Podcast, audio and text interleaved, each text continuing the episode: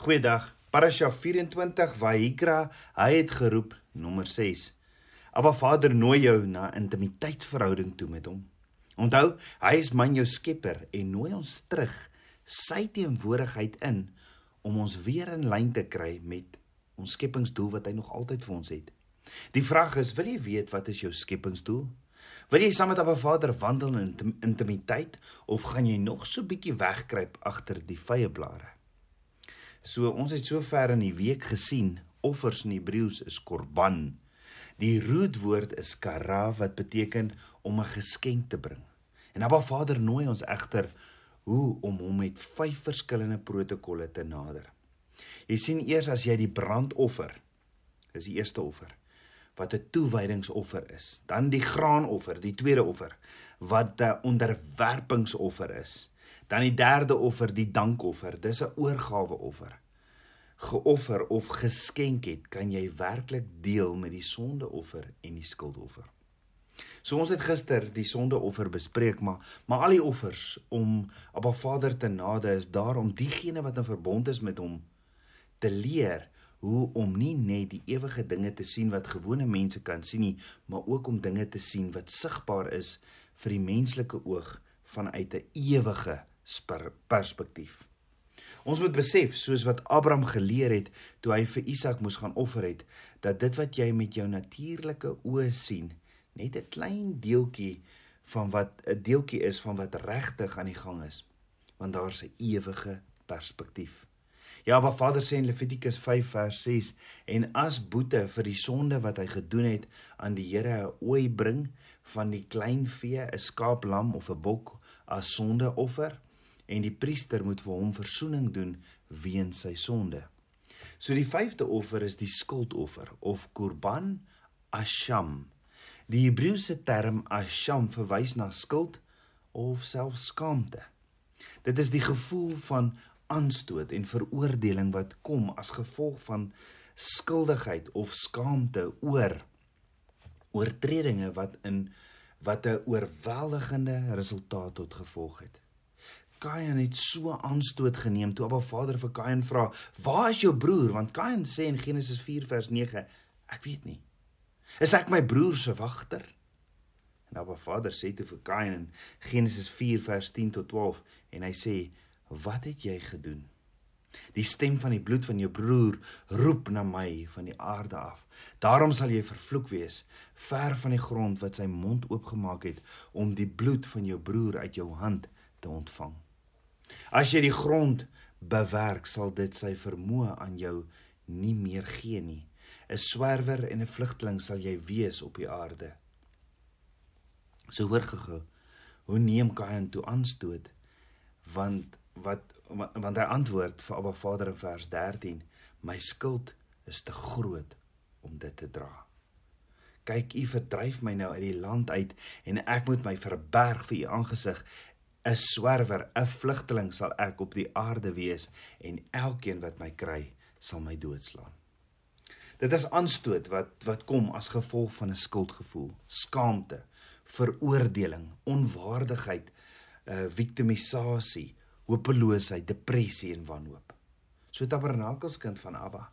As jy vandag met enige van hierdie gevoelens in jou sit, sal jy verseker versoek word deur die vyand om weg te kruip van Abba Vader. Dis hier waar jy dan nie Abba Vader kan nader met aanbidding en gebed nie, want jy kruip weg as gevolg van skaamte en 'n skuldgevoel.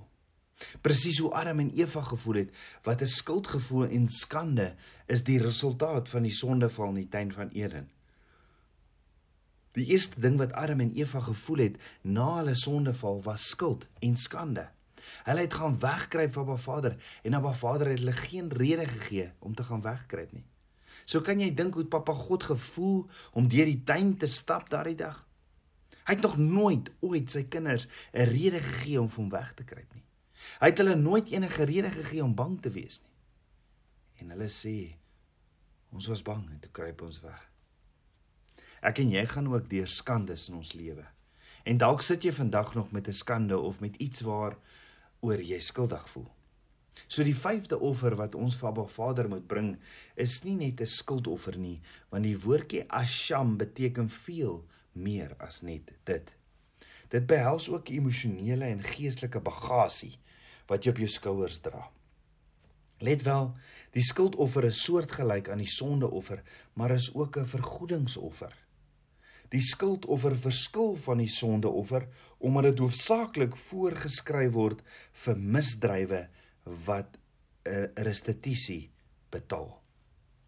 Wanneer iemand 'n sonde begaan het, soos die gebruik van iemand anders se eiendom of die misbruik van heilige voorwerpe, moes hy skadevergoeding betaal en 'n skuldoffer bring. Die woord sê dat hy die volle skadevergoeding plus 1/5de moes terugbetaal en dan 'n skuldoffer moes bring. Die implikasie is dat 'n oortreding teenoor 'n ander persoon ook 'n oortreding teenoor Abba Vader is. As ons iemand anders verneek of iets van hulle beskadig of misbruik, is dit asof ons Abba Vader verneek, iets van Abba Vader beskadig of misbruik het.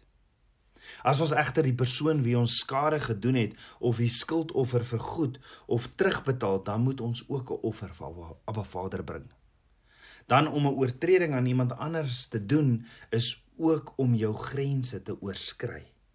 Om inbraak te maak op iemand anders se regte en sodoende iemand anders aanstoot te gee.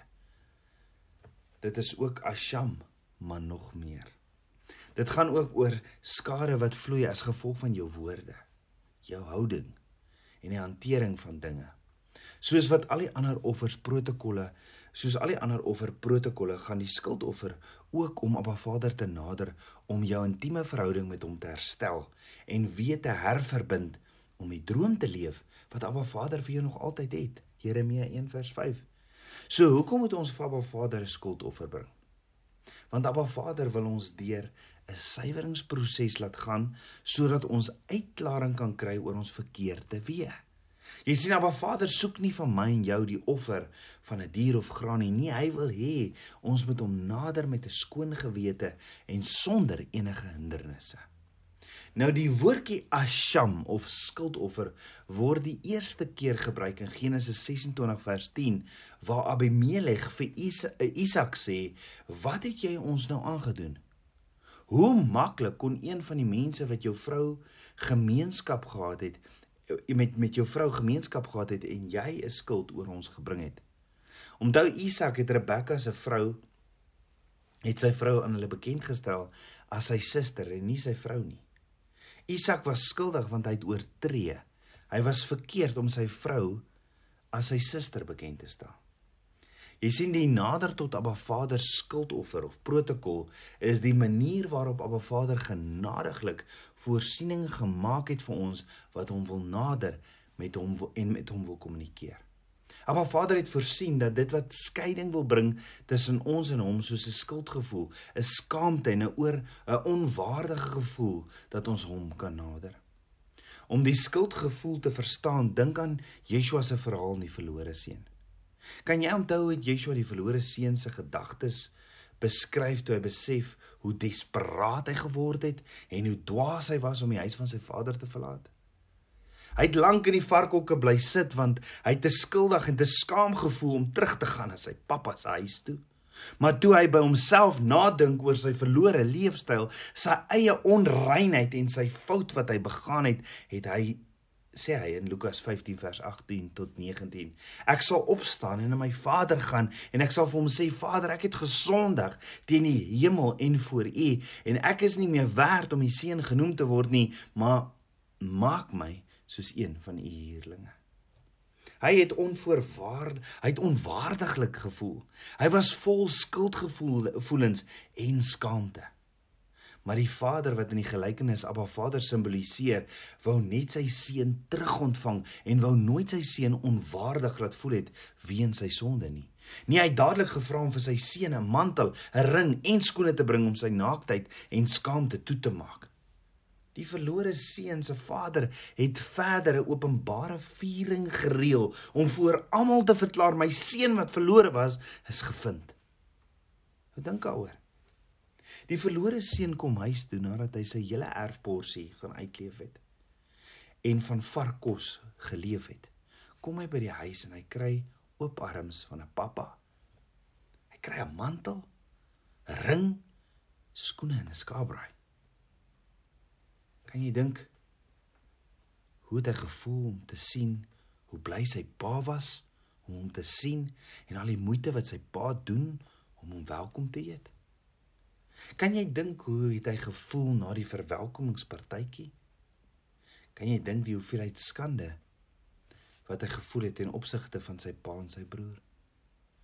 Maar die vraag is, tabernakelskind van Abba, met hoeveel skandes en skuldgevoelens loop jy nog meer rond? Ons weet soos die verlore seun is ons vergewe want sy pa het hom terugontvang met oop arms, maar daar's nog steeds hierdie skandes van 'n lewe wat ek gelewe het op 'n stadium. Kan jy dink? Kan jy dink 'n week nadat die verlore seun by die huis aangekom het en hy gaan winkels toe? Dink jy nie enige iemand in die dorp het dalk saggies van hom gefluister nie? Het daar nie dalk mense gesê, daar is hy. Dis daardie enetjie wat sy pa so so seer gemaak het. Ja, dis die mannetjie wat sy pa se erfporsie gaan vat het en gaan losbandig leef het. Dis hy wat sy pa se liefde verruil het vir die liefde van 'n prostituut. Ja, die seun is geliefd deur sy pa en is vergewe, maar hy deel nog met goed in sy lewe wat sy pa nooit beplan het vir hom om mee te deel nie. Net so weet ek, Abba Vader het my en jou lief en het hy ons vergewe. Maar as gevolg van skandes sit ons met sekere nagevolge en dit was nooit Abba Vader se plan dat ons met hierdie nagevolge moet sit nie. Sommige van ons deel met dinge soos aborsie of prentjies wat jy nooit ooit moes gesien het nie. Ons het dinge in die verlede gedoen wat ons nooit ooit moes doen nie. Ja, ons is vergewe. En ons wandel saam met Abba Vader, maar daar is nog hierdie geheue en skandes van foute van die verlede. En Abba Vader wil nie hê ons moet met skuldgevoelens of in skande leef nie, maar in vrede en vreugde. Sit jy vandag met 'n skuldgevoel of met skandes van die verlede in jou lewe? Gebruik die vyand jou skandes en daardie skuldige gevoel in jou lewe sodat jy nie die droom kan leef wat Abba Vader vir jou het nie. Dis van die vyand hou hierdie goed van die verlede in sy hand en hy weet jy dra nog skande en skuldgevoelens saam met jou so en sodra jy opstaan in geloof om die opdrag wat Yeshua vir jou gee in Matteus 28 vers 19 van gaan na, gaan na al die nasies maak hulle disippels doop hulle en leer hulle dan kom die vyand en dan kom gooi hy hierdie skandes en skuldgevoelens in jou lewe reg voor jou neer En sodra jy werklik op 'n Vader begin dien, dan sê die vyand: "Nee, nee, nee, nee, wag 'n bietjie. Ek het nog goed van jou van die verlede. Gaan sit jy maar weer in jou hoekie." So, hoe doen ek en jy dan hierdie? Wat is die antwoord? Hoe raak ons ontslaa van hierdie skuldgevoelens en hierdie skandes wat die vyand die heeltyd oor ons gooi? Ek en jy nader 'n Vader met 'n skuldoffer. Jy sien die spesiale nader tot Abba Vader skuldoffer of protokol handel oor Abba Vader wat sy kind se identiteit en bestemming wil herstel en om hom van harte terug wil bring op die pad van geregtigheid. So Abba Vader vergewe nie net ons sondes nie, maar hy reinig ons sodat ons verzoening ontvang en bevestig kan word. Dit is een ding om vergifnis te ontvang. Dis 'n ander ding om gereinig te word van alle ongeregtigheid en om volkomme uitsluiting te kry oor wat heilig en Abba Vader se waarheid is. Oorgegou, Yeshua hang aan die kruis. En dan sê Yeshua in Lukas 23 vers 34: Vader, vergewe hulle want hulle weet nie wat hulle doen nie. En hulle sy klere verdeel en die lot daarop gewerp. Hierdie gebed van Yeshua was 'n nadering tot Abba Vader. Dit was 'n korban asham, 'n skuldoffer, aangebied deur die hoëpriester namens my en jou wat geroep het kruisig hom.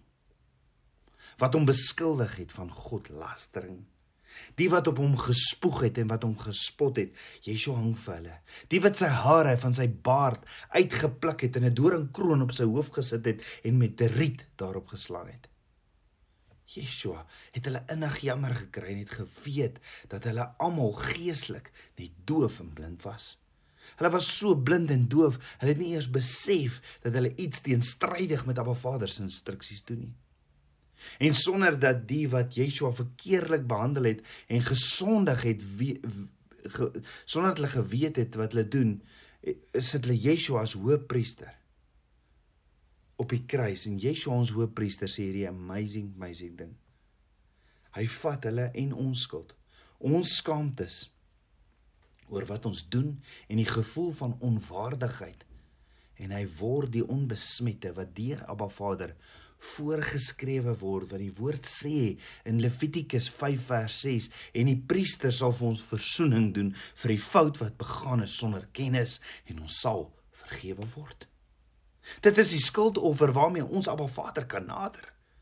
Die vergifnis van sonde was nooit die bloed van die ram van die brons op die bronsaltaar in die tabernakel nie. Die bronsaltaar was bloot 'n skaduwee of 'n replika van dit wat Yeshua aan die kruis gedoen het vir my en jou. Hebreërs 12 vers 1 tot 2 sê: Daarom dan Terwyl ons so 'n groot wolk van getuienis rondom ons het, laat ons ook elke las af lê en die sonde wat ons so maklik omring en met volharding die wedloop loop wat voor ons lê, die oog gefestig op Yeshua, die leidsman en volëinder van die geloof wat vir die vreugde wat hom voorgehou is, die kruis verdra het, die skande verag het en aan die regterhand van die troon van God gaan sit het. Yeshua het my en jou skuld, ons skandes kom vat of verag. En dan sê 1 Korintiërs 1 vers 18, want die woord van die kruis is wel dwaasheid vir die wat verlore gaan, maar vir ons wat gered word, is dit die krag van God. So prakties. Hoe gaan ek ontslaa raak van hierdie vyand wat my wil breek? Om op 'n Vader te nader en wat my wil stop om die droom te leef wat op 'n Vader nog altyd vir my het. Deur na die voet van die kruis toe te gaan. Dis my skuldoffer, want die woord van die kruis is die krag van God. Yeshua sê in Lukas 9 vers 23: As iemand agter my aan wil kom, moet hy homself verloon en sy kruis elke dag opneem en my volg. Die kruis het sy eer as gevolg van Yeshua, wat Yeshua gedoen het en daarom is die kruis nog steeds my en jou antwoord om elke dag soos wat die priesters by die bronsaltaar gestop het om elke dag na die kruis toe te gaan en my sondes, my skandes en dit waaroor ek skuldig voel by die kruis neer te lê, dood te gaan aan myself, myself te offer as lewende offer. Met ander woorde as die vyand van Abba Vader sê ja, ja, maar kyk wat sê en kyk wat doen Roof alles verkeerd, dan sê Abba Vader kyk wat het my seun vir hom gedoen aan die kruis. As gevolg van wat Yeshua gedoen het aan die kruis, sal Abba Vader vir die vyand sê: "Luister. Luister vyand. Luister Satan.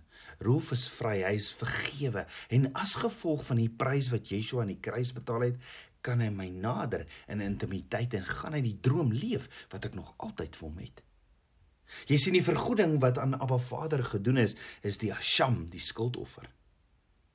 Die woord sê nie dat die offer nie sonde wegneem nie maar sê wel dat as iemand die sonde bely, hom bekeer, vergoeding doen en verzoening voor die aangesig van Abba Vader soek, dit hom vergewe sal word. Levitikus 6 vers 7.